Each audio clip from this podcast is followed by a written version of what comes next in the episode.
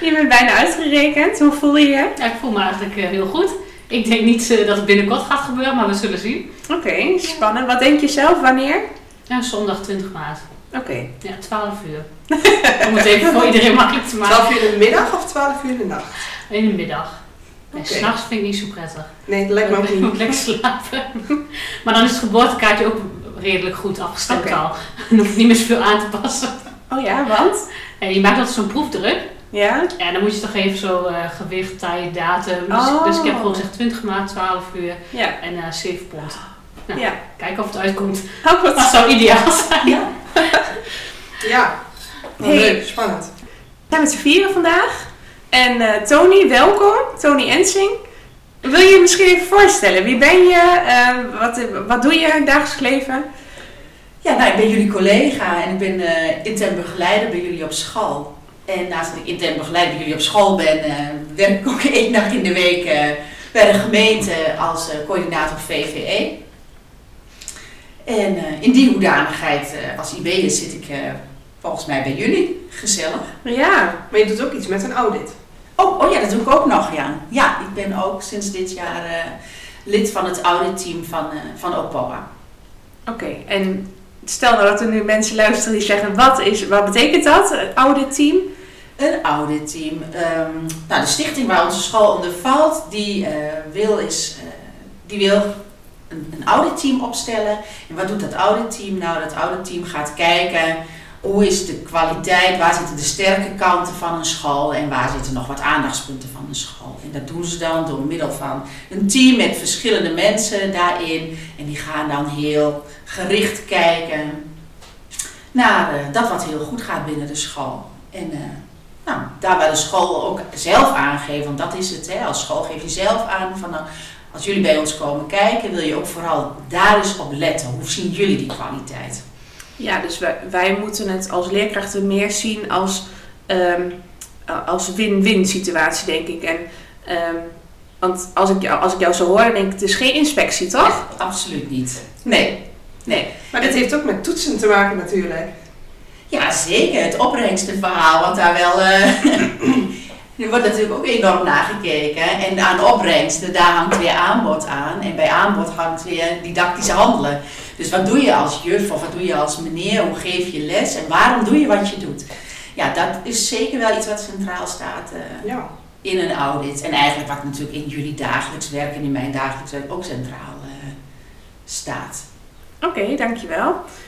Ehm Ik denk dat het een heel mooi bruggetje is ook naar ehm, nou ja, het onderwerp van vandaag. We gaan het hebben over toetsen, toetscultuur en eh, ja, waarom toetsen we eigenlijk? nou, Rosanne, waarom toetsen we eigenlijk? Moeten we niet beginnen met Ja, misschien moet je even beginnen. Wacht even. Je moet nog maar zeggen welkom bij... eh, Oh, dat is nu. Oké. Welkom bij weer een nieuwe aflevering van Lekker Gejuft. Lekker gejucht. lekker juf.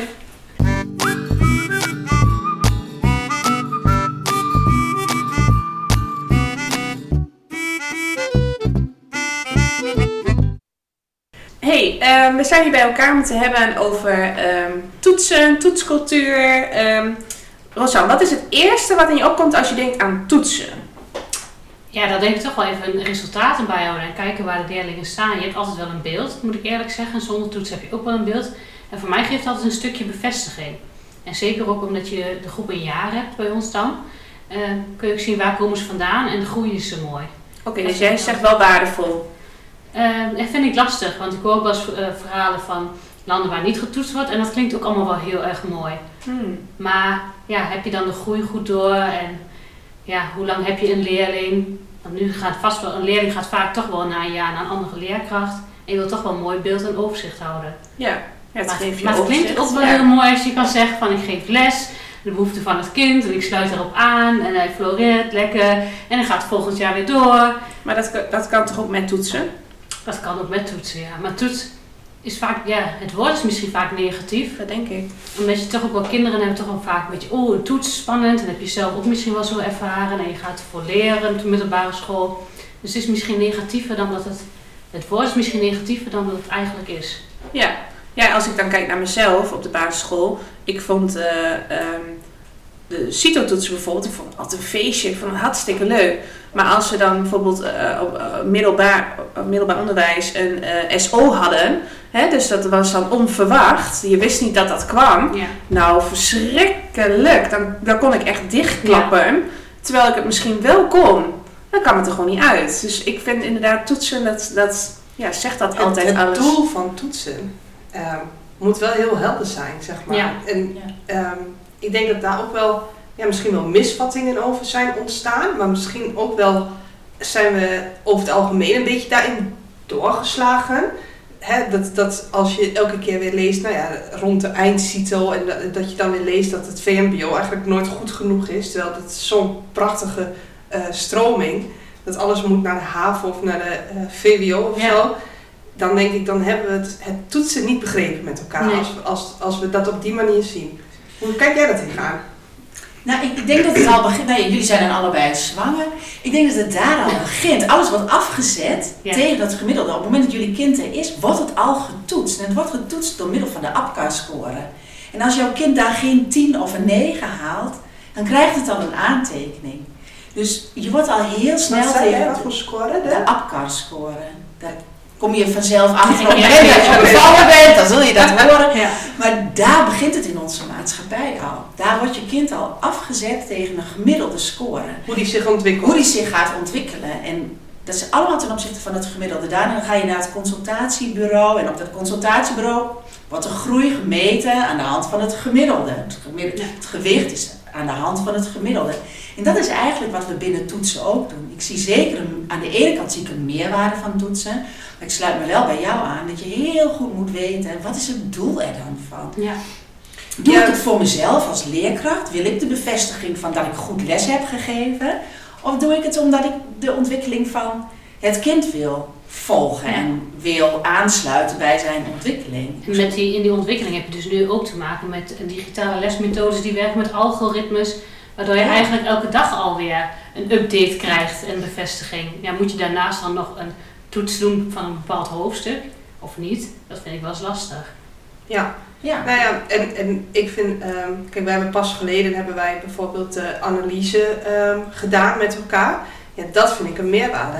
Gaan we nog met elkaar, eh, doen we nog ehm, ja, wat we moeten doen of wat we horen te Ja. doen. En, en als we de uitval zien of juist een hele goede prestatie, hoe, hoe gaan we dan ons onderwijsaanbod daarop aanpassen? Dat, dat, voor mij is dat een meerwaarde met eh, toetsen.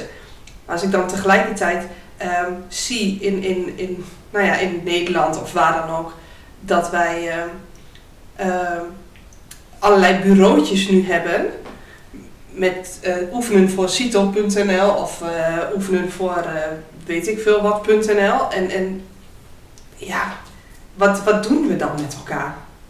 ja, wat meet je dan? hè? Ja.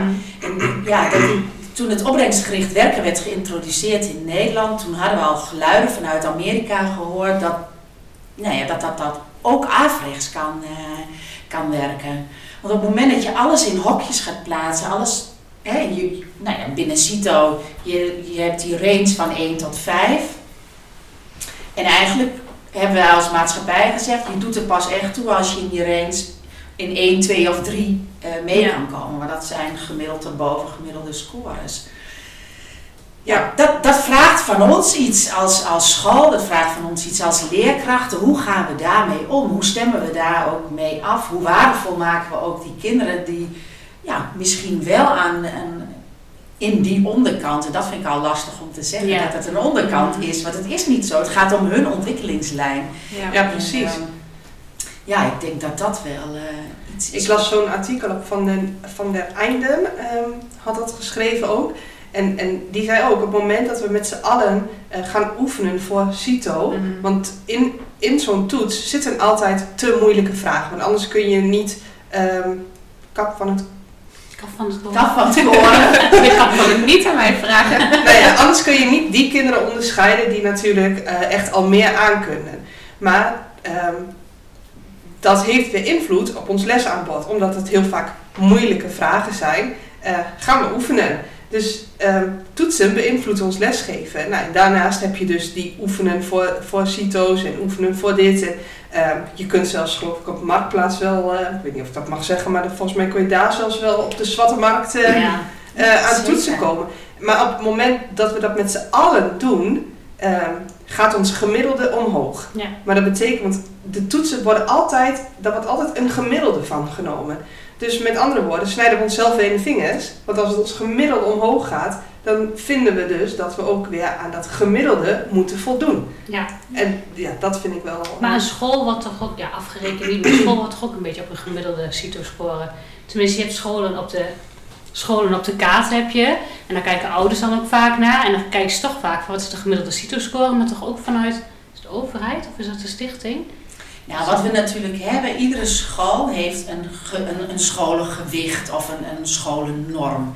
En dat is, eh, die norm wordt bepaald door het inkomen van ouders, eh, het opleidingsniveau wordt daarin meegenomen. En aan de hand daarvan wordt gekeken, wat is nou je scholengewicht? En aan een scholengewicht hangen ze dan ook, oké, als jij dat, als jij een gemiddelde school bent, je hebt een gemiddeld scholengewicht, dan zou jij ook een gemiddelde score moeten kunnen halen. Dus afgezet tegen het, land, tegen het landelijk gemiddelde. Ja. Ja, dus ja, ik moet even je vraag herhalen. Als je dat daartegen afzet,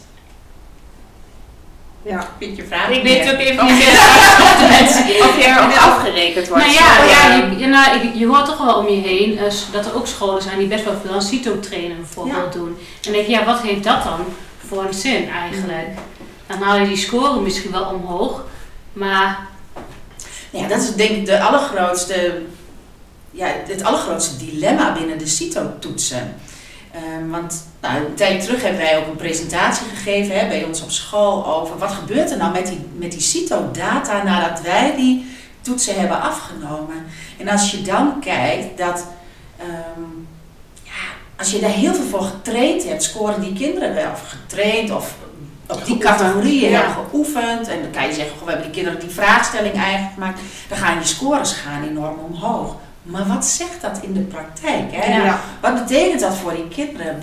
Is die, zit die stof er dan echt in of hebben ze een trucje en ja, eh, beheerst? Wie houdt wie dan voor de gek? Ja, en dat vind ik dus zo mooi wat jij net zei, Ozan. Wij hebben eh, bijvoorbeeld voor rekenen hebben we een heel mooi online programma waarbij we ehm, online opgaven maken. En dat programma houdt dus eigenlijk de ontwikkeling bij. En Ja. wij kunnen op dit moment inloggen en op dit moment zien, hey, dit beheerst hij al wel, hier moet je nog mee oefenen.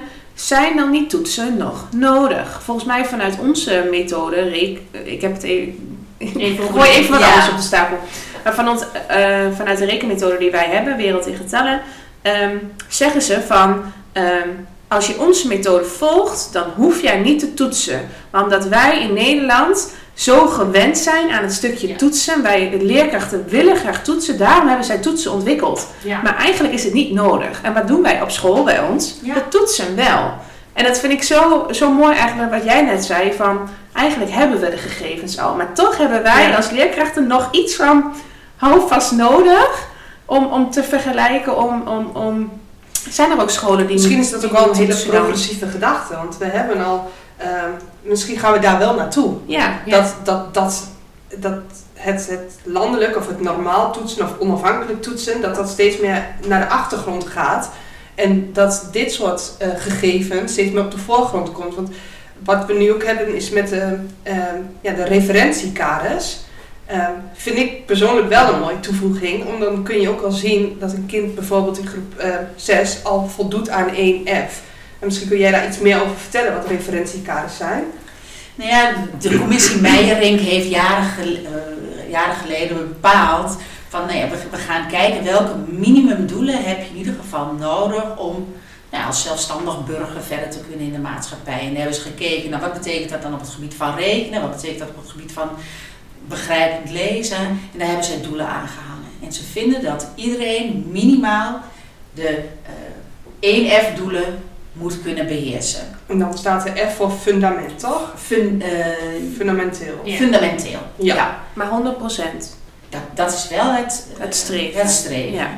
Dus dat iedereen een bepaalde ehm gecijferdheid heeft, een bepaalde geletterdheid heeft, waar, ja, waarmee je gewoon zelfstandig kan, eh, kan functioneren. Ja, En dan heb je nog eh, dat ze zeggen van ja, maar kinderen die meer aan kunnen of mensen die meer, die kunnen naar die streefdoelen werken. En die liggen op een wat hoger eh, niveau. maar dat lijkt mij, als we daar naartoe werken, dat dat steeds belangrijker wordt of steeds meer. Dan heb je ook onafhankelijke gegevens, maar dan heb je dus een minimum wat iedereen zou moeten kunnen. Ja. En daarboven kan elk kind zich ontwikkelen Ja. naar 1S, 2S, ehm, hè, dan kun je verder. En dan, dan heb je, nou ja, dan is het ook wat individueler voor een kind. Dan kunnen we ook zien waar het kind staat. Maar wij als leerkrachten kunnen ook weer zien van, hé, maar wacht even, want dit kind...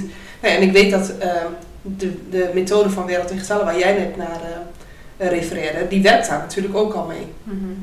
Met het Ja. aanbod. Proces, ja. Ja, vanaf groep 6. Ja. Nou ja, ik, wat, wat jij net noemde, ik, ik denk wel dat eh, methodisch kan je kinderen hartstikke mooi volgen. Maar ik denk dat, je, dat we veel meer op onszelf moeten gaan vertrouwen als professionals. Dat we veel meer moeten kijken naar dat kind. Wat zie, wat zie ik nou als leerkracht? Wat, hoe observeer ik? Ik denk dat als wij onze observaties veel sterker maken, Ja. ehm, dat we die ontwikkeling van kinderen wel zien. Als we de leerlijnen goed kennen, zou je in principe niet hoeven te toetsen. Ja. Dat denk Maar- ik ook. Ja. Ja, weet je, in de tijd van nu, in die toetscultuur, durven wij nog Nee, op onszelf te vertrouwen daarin. ik denk onvoldoende. Denk ik ook. Ja. En, Is dat alleen wij dan? Of is dat dan ook het overkoepelende stichting die dat dan ook weer wil weten? Dat die ook ergens één lijn in Ja, we, wil zijn hebben? onderdeel, we zijn echt maar een piepklein schakeltje in het hele grote geheel. Want Ja. onze overheid is er natuurlijk van overtuigd dat kwaliteit te meten valt aan methode-onafhankelijke toetsen. Dat je, daar is nu wel steeds meer de tendens dat dat niet het enige is om kwaliteit aan, eh, aan te hangen. Dus een CITO-toets betekent, zegt eigenlijk niks over de kwaliteit van je onderwijs. Nee. Want jullie noemden dat al, ja, dan kan je, je kan daarvoor trainen. Hè? En ja, wat zegt dat dan nog? Maar ook andersom, het kan ook een keer je dag niet zijn. Het is Ja, een momentopname. Precies, het is een momentopname en daarom zijn je observaties ook Ja. zo belangrijk. Hè? Ken Ja. dat kind, weet hoe het zit en in welke, ja, wat past bij zo'n kind. Er zit wel ook voor mij wel een andere kant aan. Het houdt ons namelijk wel als leerkrachten scherp. Ja. Zo'n toets, zo'n toetsmoment, zo'n methode onafhankelijk toetsmoment waarbij de kinderen alle stof die ze in het afgelopen half jaar hebben gehad, ehm, dat wordt dan door elkaar gehusseld al, en het wordt Ja. en vraag, eh, beheers je dat? Kan je dat in een andere context dan jouw methode, kan je dat daarin toepassen? Ja, misschien moeten we dat ook aan onze luisteraars nog even duidelijk maken. We, hebben- we, we hebben het nou over twee toetsen, een beetje door elkaar heen. Een stukje methode toetsen, dat neem je eigenlijk af naar elk blok. En we hebben het over methode onafhankelijke toetsen. Dat zijn bijvoorbeeld de CITO's en die neem je twee keer in het, eh, in het schooljaar af. En eh, wat Tony net zei, methode onafhankelijk, dan toets je eigenlijk alles door elkaar heen, Ja. over een heel half jaar gezien. En ehm, jij zegt dus, daar haal je wel heel veel eh, informatie uit. En ehm, Ja, of CITO dan het middel is, Ja. nou ja, daar kunnen we het met elkaar over hebben. Maar het is denk ik wel ontzettend belangrijk om wel één keer in de zoveel tijd ook voor je eigen, ehm, ja, voor je eigen observaties, bevestiging te kijken. Oké, kan deze leerling, kan mijn groep, ehm, ja, dit ook als het allemaal door elkaar staat. En op het moment dat die vraagstellingen, zoals ze in een CITO-toets zijn, toch ook ge- gedifferentieerd zijn in niveau. Wat kan mijn leerling dan? En die toetsen zijn ook landelijk, dus kun je afwegen tegen landelijk gemiddelde. Ja. Oh, sorry. ik overnieuw. Ja. En die, en die toetsen zijn dus landelijk, dus kun je afzetten tegen het landelijk gemiddelde. En de methodes, ja, daar kies je als school ook voor. Maar dan zou je, en, en tuurlijk ligt die afspraak er wel, maar als je dan tegen het landelijk gemiddelde wil afzetten, dan moet je dus niet met elkaar gaan oefenen op zo'n CITO. En dan moeten ouders niet naar een bureau gaan of ehm, ehm, hulplessen of iets dergelijks om dat te doen. Want anders is dat gemiddelde niet eerlijk. Nee. Dan hebben we daar niks aan. Ja, we devalueren op die manier de kwaliteit van ons eigen onderwijs. Ja. En niet alleen het basisonderwijs, maar we devalueren ook de kwaliteit van het VO. En daarna Ja. nog weer. Hè, want ja, als jij toch met andere capaciteiten, nou ja, als blijkt dat jij keihard hebt getraind voor je CITO's, terwijl jij in je observatie hebt gezien, nou, het is gewoon een gemiddelde, het zal een goede VMBO-leerling zijn, maar door heel hard oefenen op die CITO-toetsen, komt dit kind op de HAVO. en doorloopt dat wel met heel hard werken. Ja, zo'n HAVO, als die heel veel van dat soort kinderen krijgt, zal ook zijn normen misschien iets gaan bijstellen. Ja, en ik ben daar ook wel eens huiverig voor. Ja. denk van, ja, we devalueren en we zijn daar zelf debet. We zijn Ja, daar zelf zeker. debet aan. Ja. En zoals een... Oh, sorry. Nee, ja, weet je, net was een heel mooi stukje over ehm, het houdt ons als leerkracht wel scherp om natuurlijk één, eh, ja, één keer of twee keer per jaar een onafhankelijk iets te gebruiken om te toetsen. Nou, daar ben ik ook helemaal mee eens. Maar wat je ook wel ziet, ehm, en dan praat ik even uit beleving, niet uit cijfers, maar ehm, leerkrachten, en dan heb je het ook nog over startende leerkrachten, ervaren dat ook altijd nog wel als heel spannend, zelfs als heel stressvol. En dan moet je daarna het oude gesprek ingaan.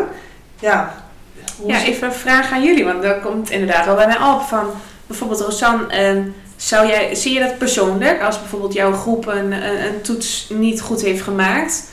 Ik denk toen als startende leerkracht wel. Want Ja. dan denk je, ja, ik heb dat niet, niet goed, eh, ik ben niet goed, eh, ik ga het even opnieuw. ik denk als startende eh, leerkracht wel. Want dan denk je toch, ik heb de lessen niet goed gegeven, ze beheersen de stof niet, het ligt aan mij.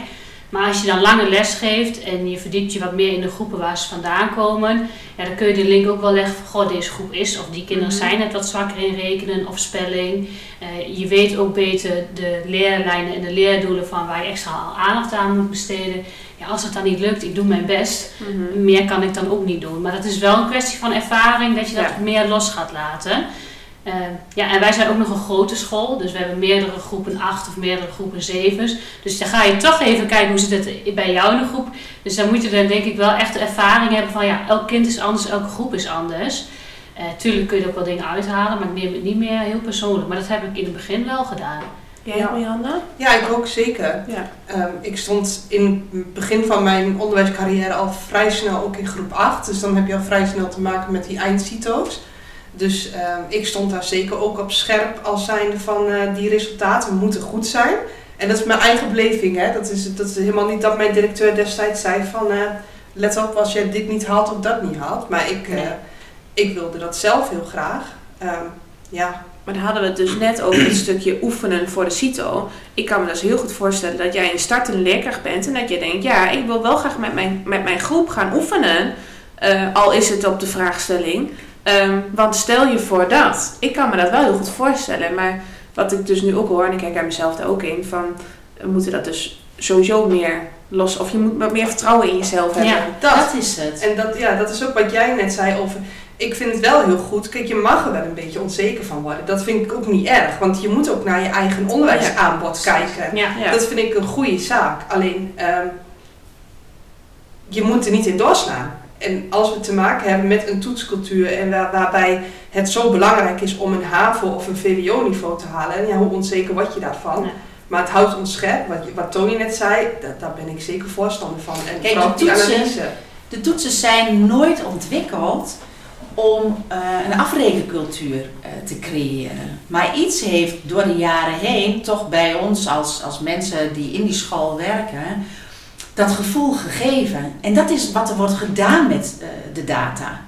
Hè, want SEC is CITO alleen maar van, nou, ken je leerlijnen, ken de leerdoelen, kijk goed waar staat jouw leerling op dit moment in zijn of haar ontwikkeling. Dat is eigenlijk het hele kale doel ehm, van die CITO, van die CITO-toets of van een eh, methode onafhankelijke toets. Maar er is iets door de jaren heen gebeurd dat we er zoveel waarde aan zijn gaan eh, Hmm. hechten, dat we misschien wel het hele, ons hele vak verloren uit het oog Ja. verloren Ja. zijn. En Ja. Ik heb nog één vraag. Jij zegt eh CITO eh, of andere onafhankelijke. eh, wat zei je nou? Toetsen. Methodetoetsen. Oh, of ja. eh, methode, toetsen. Ja. Wel, Ja. Welke zijn er nog meer dan? Behalve je hebt bijvoorbeeld als eindtoets heb je ook IEP.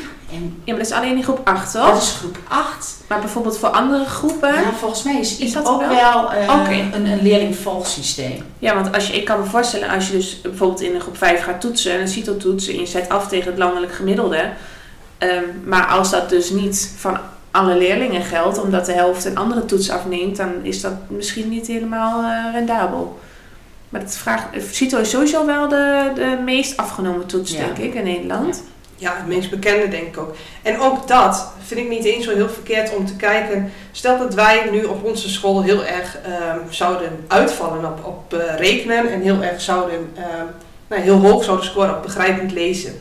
eh, tegenover het landelijk gemiddelde of zo, weet je wel. Maar dat is wel goed om eens een keer bij een andere school te zien hoe zij dat dan doen en wat zij dan doen. Op Ja. die manier kun je toetsen wel, maar dan heb je Ja. het dus continu over diagnostiek en over analyses. Analyses, daar gaat het om. Dat vond ik mooi wat jij zei, Rosanne. Want jij zei van, nou, op de school, waar de, daar heb je drie verschillende groepen. Dus ik ga wel kijken bij mijn collega's. Het nodigt wel uit tot gesprek. En dan moet het niet gaan over, oh jeetje, waarom heb jij maar een, weet ik veel wat voor score. Het gaat er juist om van, hé, hey, hoe, hoe is dit tot stand gekomen? En wat heb jij dan gedaan als het nou, een stuk beter is? Of wat, wat zegt dit dan als je het hebt over lezen? Bijvoorbeeld, hè, jouw dyslectische leerlingen zijn hier, mee, hier meegenomen. Hé, hey, die hebben het hartstikke mooi gedaan. Hoe ziet jouw aanbod er dan Ja. uit? Het nodigt wel uit voor gesprek. Ja. Ehm, dus dat, dat, houdt je ook scherp, ja. ja, Maar ik denk dat we hadden net, wat trek je dan wel aan? Ik heb dan, eh, zeg ik dit nou goed? Wat trek je aan? Wat Ja, je? ik weet het. Wat trek je hier wel aan? Ja, wat trek je hier wel Ja. aan van die scores? Ehm, scores kunnen tegenvallen, maar als ik het kan verklaren, vind ik het niet erg. Ja. Het kind heeft die dag niet gehad of had even een, Ja. zat in een vervelende situatie. Of ik had het juist van die leerling ook wel zo verwacht. Of dat kind heeft toch een bepaalde faalangst. Dan kan ik het verklaren. Maar als ik het niet kan verklaren, dan vind ik het, dan vind ik het wel lastig. En dan is het ook goed om te kijken, nou ja, wat heeft een ander dan wel gedaan. En, eh, Ja. Ja. en het daagt ons heel mooi uit om wel ambitieus te zijn. Ja. Hè, want ehm, ja, we zijn natuurlijk ook wel snel geneigd. Ah, dat heeft hij, heeft hij leuk gedaan. Ja, ik ben, ja, oké. Terwijl als wij misschien als leerkrachten toch de lat iets hoger zouden leggen, ja. dan zouden we dat kind echt naar een hoger level kunnen trekken. En Maar- dat heeft weer te maken met onze eigen manier van. eh, En is dat ook een risico van als jij dus een, eh, werkt met een onafhankelijke toets die werkt vanuit een gemiddelde, als dat kind dus onder dat gemiddelde scoort, dat wij dus al snel geneigd zijn om te zeggen beneden gemiddeld of zo, Ja. hè? dat we dus ook die verwachtingen dan hebben naar die kinderen. Ik, ik- denk dat dat wel gebeurt. Dat we wel zeggen van, nou ja, die zit altijd in die lijn van Mhm. niveau 4. Dat is oké. En daar zitten voor mij twee kanten aan. Want aan de ene kant denk ik, het is helemaal oké als jij in die lijn van niveau 4 zit. Als jij je maar ontwikkelt. Dan ben jij de beste in jouw lijn niveau 4. Dus dan gaan we er alles aan doen als leerkracht, als, nou, als school. Dat jij een prachtige ontwikkeling in die lijn niveau 4 maakt. Tuurlijk, op het moment dat je potentie ziet van, nou, jij kan ook wel naar 3. Hè, die lijn 3 ligt echt voor jou binnen handbereik. Want ik zie dat jij een aantal hiaten hebt. Want zo heb je die, kan je die toetsen natuurlijk ook weer analyseren. Ik zie toch, er zitten een aantal hiaten. Als ik daar extra met jou op in ga steken, dan kan jij in die andere ontwikkellijn komen. Ik denk dat we doorgeslagen zijn. We willen nu iedereen naar minimaal een ontwikkelingslijn 3 hebben. Ja. En we staan te springen om mensen die, eh, nou, echte VMBO'ers en mensen Ja, een die wat, eh, vak, Ja. ja. En als je kijkt naar al die al ehm, de VMBO'en, zeg maar, en als je kijkt naar in de maatschappij, waar is nou heel veel vraag naar? Naar mensen die een vak kunnen. En ehm, als jij een hele goede timmerman wordt of een hele goede ehm elektricien of iets dergelijks, volgens mij kun je dan ook hele prachtige carrièrekansen ontwikkelen. Dus, Ja, ja, Zeker. ja. Ja, maar dat ligt bij ons. Ik denk dat als wij, als wij met elkaar wel ambitieus blijven, ambitieuze doelen blijven stellen, daar ja, toch ook af en toe wel die methode onafhankelijke toets toch wel gebruiken. Wij kunnen wel zeggen dat we het niet willen, maar ja, onze stichting zegt, ah, ah, wij willen kunnen monitoren, wij willen toch dat wel binnen onze kwaliteitscyclus is dat voor ons wel een belangrijke pijler. Dat vindt de onderwijsinspectie, wij zelf vinden dat natuurlijk ook. Ehm, ja, maar als wij maar kunnen laten zien met elkaar dat we het kind hebben gezien en daar het maximale uitgehaald hebben. En even, ehm, eh, ik vind dit een hele mooie discussie, maar ook even het stukje, kijk, wij hebben luisteraars misschien ook al vanuit de PABO, en ehm, hè, die, eh, of startende leerkrachten bijvoorbeeld. Ehm, we hebben het net over, nou, jij kan heel veel vertellen, dat horen wij, over hè, het, stukje toetsen en eh, analyseren, noem maar op. Maar jij bent IB'er, intern begeleidster. Wat, wat beteken jij dan voor ons als leerkrachten als het gaat om toetsen? Hoe, hoe begeleid je ons? Wil je daar iets over vertellen? Oeh. Moeilijke vraag.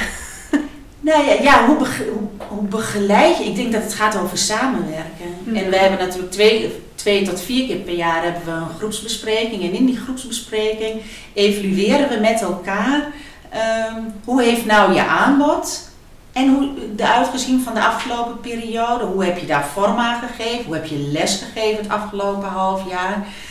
En, en heb je daarmee ook, je hebt toen doelen gesteld, vind je dat je die doelen die je toen gesteld hebt, dat je die gehaald hebt? Dus heeft jouw manier van werken iets bijgedragen in de ontwikkeling van het kind? En daar hebben wij gesprekken over met elkaar. En, ehm, ja, en soms zijn er gesprekken, ja, ik heb echt, dat je zegt van ja, we hebben echt iets bijgedragen. Dit kind heeft met het aanbod en de doelen die ik gesteld heb en mijn werkwijze, heeft hij echt een hartstikke mooie ontwikkeling gemaakt. Maar er zijn ook kinderen waarbij we dan met elkaar zeggen, de aanpak heeft niet gewerkt. We hebben misschien wel met ons aanbod niet op het juiste level gezeten, de doelen te laag gesteld of juist te hoog. Daar moeten we iets in aanpassen. Ja. En dat is volgens mij wat, ja, wat we samen doen. Waar we samen dan ook in puzzelen. Wat, wat zou er dan kunnen? En ja, wat daarin gewoon ontzettend belangrijk is, is dat je allemaal eh, kan reflect- reflecteren. Ja. Oké, en durf te kijken ook van, hé, welke rol heb ik dan gespeeld als leerkracht? Ehm, heb ik ook het maximale uit mezelf gehaald? Heeft mijn voorbereiding er goed uitgezien? Ben ik heel bewust bezig geweest met, eh, met de doelen die ik heb willen halen? Met mijn manier van lesgeven? Ja, mooi. Ik kijk er altijd naar uit, moet ik heel eerlijk zeggen. Nee. Want je gaat echt eh, op dat moment... Ja. Ja, maar je gaat toch... Ja, het is ook gezellig, daar niet van. maar het is ook... Je, je praat over jouw groep, over jouw kinderen. En je gaat echt even de diepte in. En je gaat... Je komt ook altijd weer weg van... Oh, ik ga dit doen. Of ik ga dat doen. Of ik ga dit anders doen. En eh, ik, ik vind dat zelf altijd heel waardevol. En ik hoop dat het op elke school zo mooi mag gaan als bij Ja. ons. Maar... ehm, even kijken. Ja, het zijn hartstikke waardevolle gesprekken. En waarbij je, ehm, dat vind ik gewoon heel erg mooi, waarbij we het kind gewoon centraal zetten. Het individuele kind staat centraal, maar ook op, op de groep. Want je kan niet overal, als je 30 kinderen in de klas hebt, kan je niet met 30 kinderen Nee. individueel. Ja. Dus we moeten daar wel goed naar kijken. En volgens mij doen we dat altijd samen. Ja, en dat is dan ook weer een stukje dat je op dat moment ook weer bewust en scherp bent. Ja, Want dat heb ik nog wel eens in de loop van het schooljaar. Het kan je soms wel eens even een beetje, hè, of we gaan nog even een eh, week van de lentekriebels en we hebben nog dit. En dan ben je soms zo druk, dan ben je dus niet meer even bewust. En op dat soort momenten is Ja. oh ja, even weer, hè, het kind centraal, waar staan we nu? Ja, je core business Ja. op een school is onderwijs geven. Ja. En, ja, er zijn heel veel afleidingen op een school. Ja. Ja. Eh, dat, dat is echt zo. Ja. Oh ja, wat dan? Nou, echt wel. Week van de Nou, les. die komt is er weer aan hoor. Oh ja, die is er weer. Nou, mis je wel over Sam. Zo druk. Sorry. Ja, volgend jaar weer. Ja. Ja. Ja. Nee, maar het is zo. En weet je, ik, ik ben ook wel een voorstander van toetsen als je dus eh, met elkaar dat op de goede manier gebruikt en op de goede manier analyseert.